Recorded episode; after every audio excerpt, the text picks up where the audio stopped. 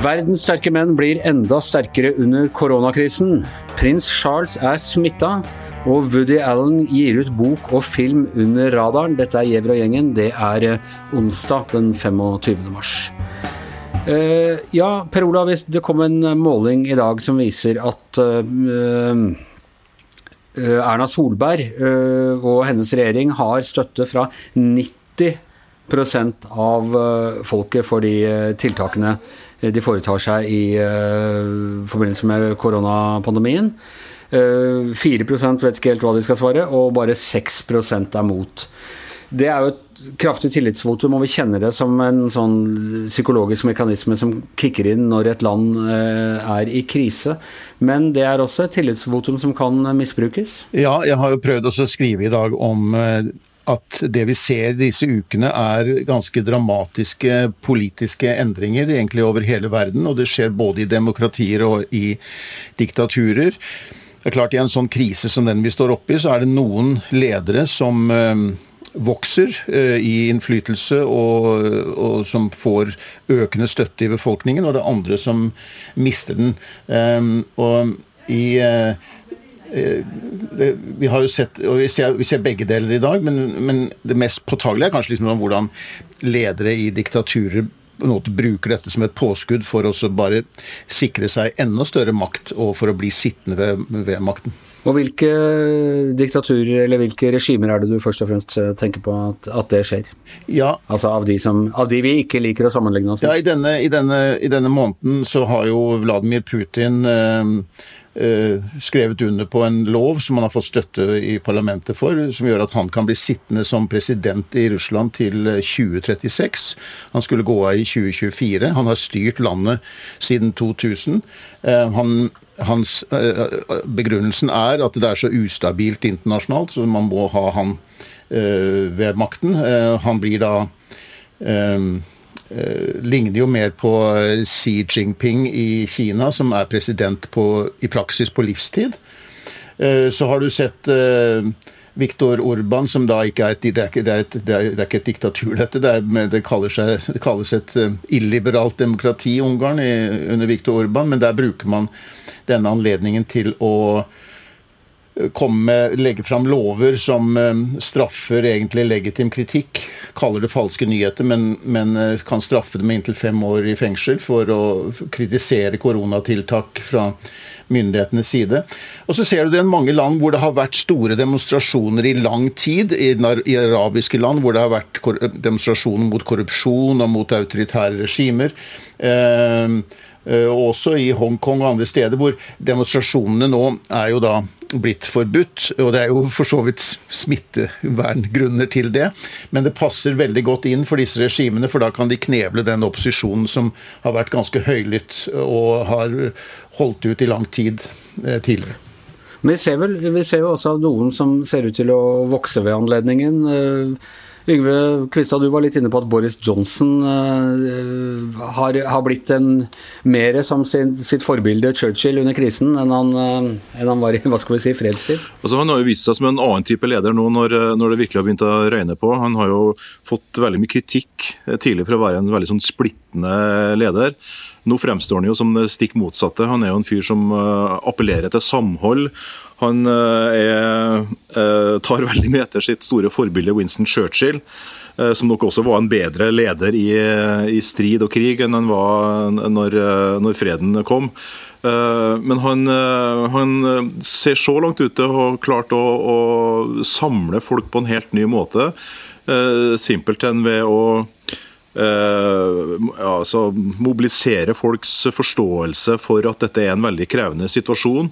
Uh, han uh, har gjort noe som var, ville vært utenkelig for bare kort tid siden. Altså, rett og slett å åpne den britiske statskassa for å finansiere og, og, og, hjelpe folk som er i nød, og, og bedrifter og sånn. Og det er, det er jo helt nye toner fra det hold. Ja, jeg ser, jeg ser, at en av de mest uh, konkrete resultatene nå er jo at uh, mange valg må utsettes i, ja, i demokratiske land. Uh, lokalvalg, det andre runde i Frankrike. Du ser regionsvalg i Italia, lokalvalg der, også i Storbritannia. I Spania er det to regioner som må utsette valget. Parlamentsvalget i Serbia. Og det som alle spør seg, er jo hva som skjer med valget i USA, hvor altså demokratenes nominasjonsvalg er jo liksom satt på hold da, inntil videre. Eh, og man har begynt å diskutere, og det er jo ganske utrolig at man har begynt å diskutere eh, om det blir mulig med valg i november, altså et presidentvalg, og eh, valg til, til Kongressen og, samtidig. Eh, det har jo aldri, altså, USA har alltid holdt valg. Selv om det har vært borgerkrig og verdenskriger, så har de alltid holdt valg på den tiden. Det er jo uh, for så vidt talende nettopp dette med at uh, mange av oss har jo på en måte syns at Trump har håndtert denne krisen veldig dårlig, bagatellisert Uh, utviklingen og, og ikke, ikke, tatt det på alvor. Men han ser ut til nå, til tross for etter å krangle med journalister på pressekonferanser, etter å si at, uh, at, dette kommer til å forsvinne snart, så er han fortsatt, gjør han det godt på disse tillitsmålingene, faktisk bedre enn han gjorde før krisen. Hans Petter Sjøli, hva tror du det kommer av? Nei, Det er vel at ledere Vi har en tendens til å slutte opp om lederen da, når det er vanskelige tider. Det er ikke noe poeng å begynne å krangle politisk når eh, andre ting i samfunnet er mye, mye viktigere.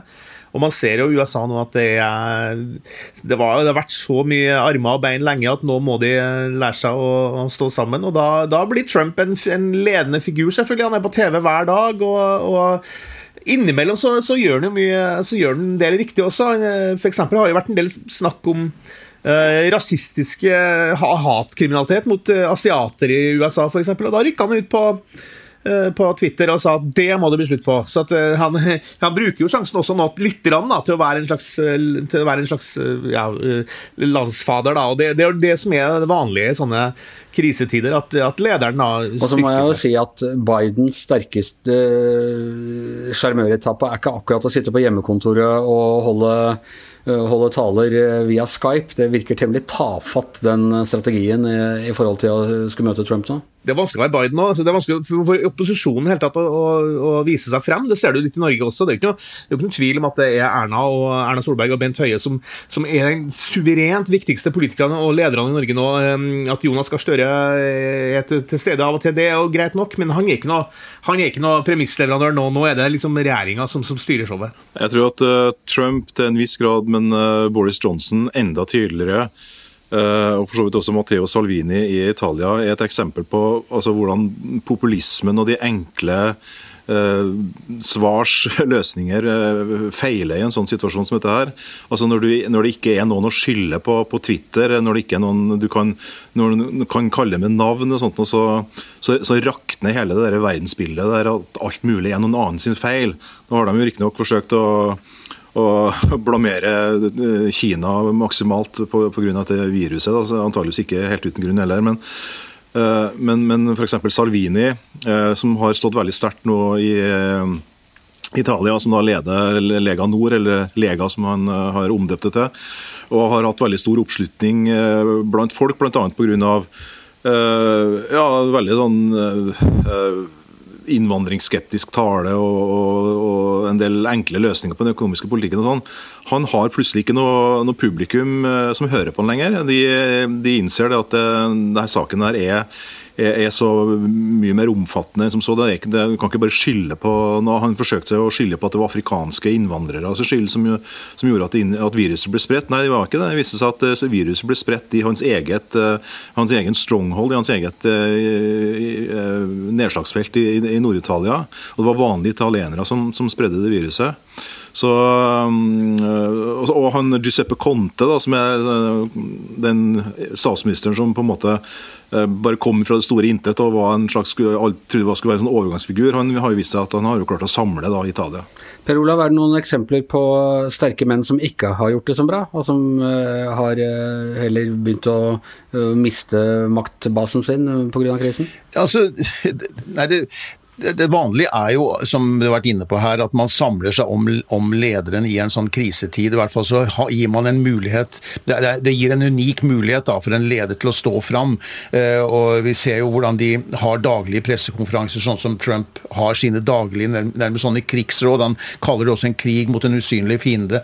og dette, dette er hans mulighet, men det kan også være hans fall. Det er jo det som er eh, det store spørsmålet her. fordi nå er det jo ikke noe tvil om at annet enn at denne saken, håndteringen av denne saken, den kan enten gi ham føre til at han blir gjenvalgt, eller føre til at han blir felt av velgerne. Og Der tror jeg spørsmålet er helt åpent hva som vil skje. Ok. En jeg holdt på å si sterk mann eh, som ikke er på valg, det er eh, prinsen av Wales, arveprins i eh, England.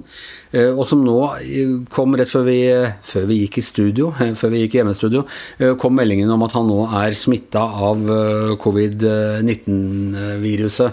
Bare for noen dager siden så øh, var det beskjed om at han og øh, kona Camilla var dratt på hytta i Balmoral i Skottland.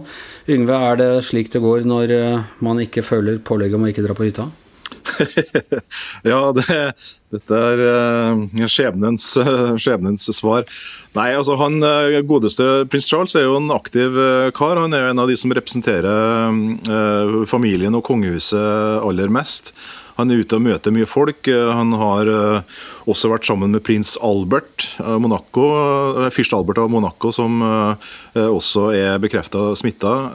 Han var sammen med han ganske nylig. Det er sterkt hvis de driver og smitter hverandre i Europas konge- og, og fyrstehus. At det liksom er en egen smittering? Ja, det kan du si. Det som er litt skummelt med det, er jo at veldig mange av dem har jo tidligere vært plaga av veldig dårlig helse. Det har jo vært en del av kongefamilien og innavlets problem. Nå er jo ikke det like present lenger, etter hvert som man har fått inn litt nytt og friskere blod. Men, men akkurat når det gjelder Charles, så må jeg si at jeg er, jeg er positiv på hans vegne. Fordi at han stammer fra en familie med veldig seige gener. Hans mor, Mummy, som han kaller det, blir jo 94 år nå i april. Uh, han sjøl blir 72. Hans uh, bestemor ble jo 101 år.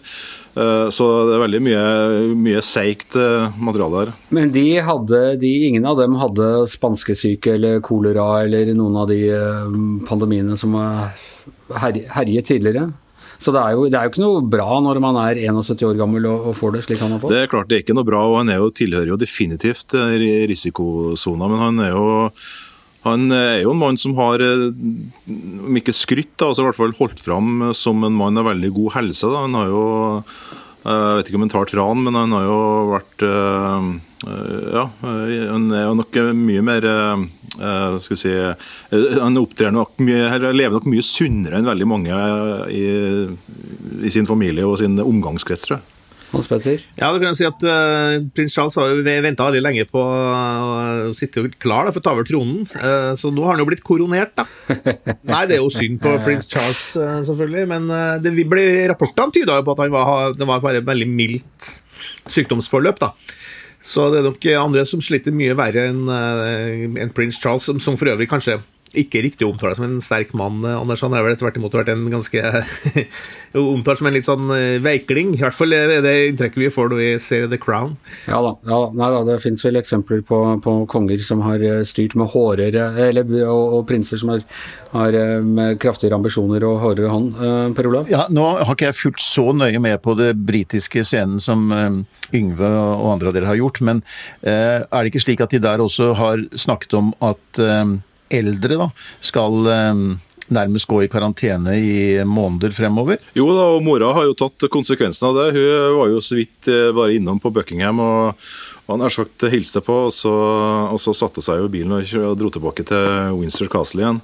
Uh, jeg tror nok at hun og mannen, som snart er 100, nok, nok mer bekymra for å, å bli smitta enn en andre i den familien, sånn sett. Eh, men igjen, altså, det er veldig, er veldig seigt arvemateriale og genmateriale i den familien der. Eh, så vi eh, får bare håpe at, at det går bra.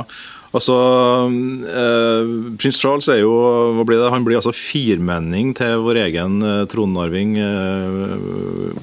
Håkon, Magnus.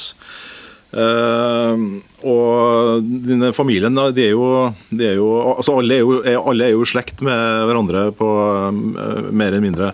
Uh, men igjen, det er bare for å gjenta meg sjøl, altså det, det, er mye sterke gener ute og går i denne, i denne slekta. da. Ok, Yngve Kvistads tro på genetikken i, i Europas kongehus er, er uomtvistelig. Eh, helt på, på, slutten, ta kulturminuttet vårt. Eh, helt under radaren på alt dette. Vi snakket om det tror jeg rett før, rett før alt klappa sammen, om eh, Woody Allen. Har gitt ut en ny film som ikke ble satt opp en rekke steder. Han har skrevet en selvbiografi som Forlagshuset ikke ville gi ut. Nå, pga. disse gamle historiene og, og påstandene fra hans eh, ekskone eller ekssamboer Mia Farrow om at han hadde misbrukt et av, barnas, et av parets felles barn.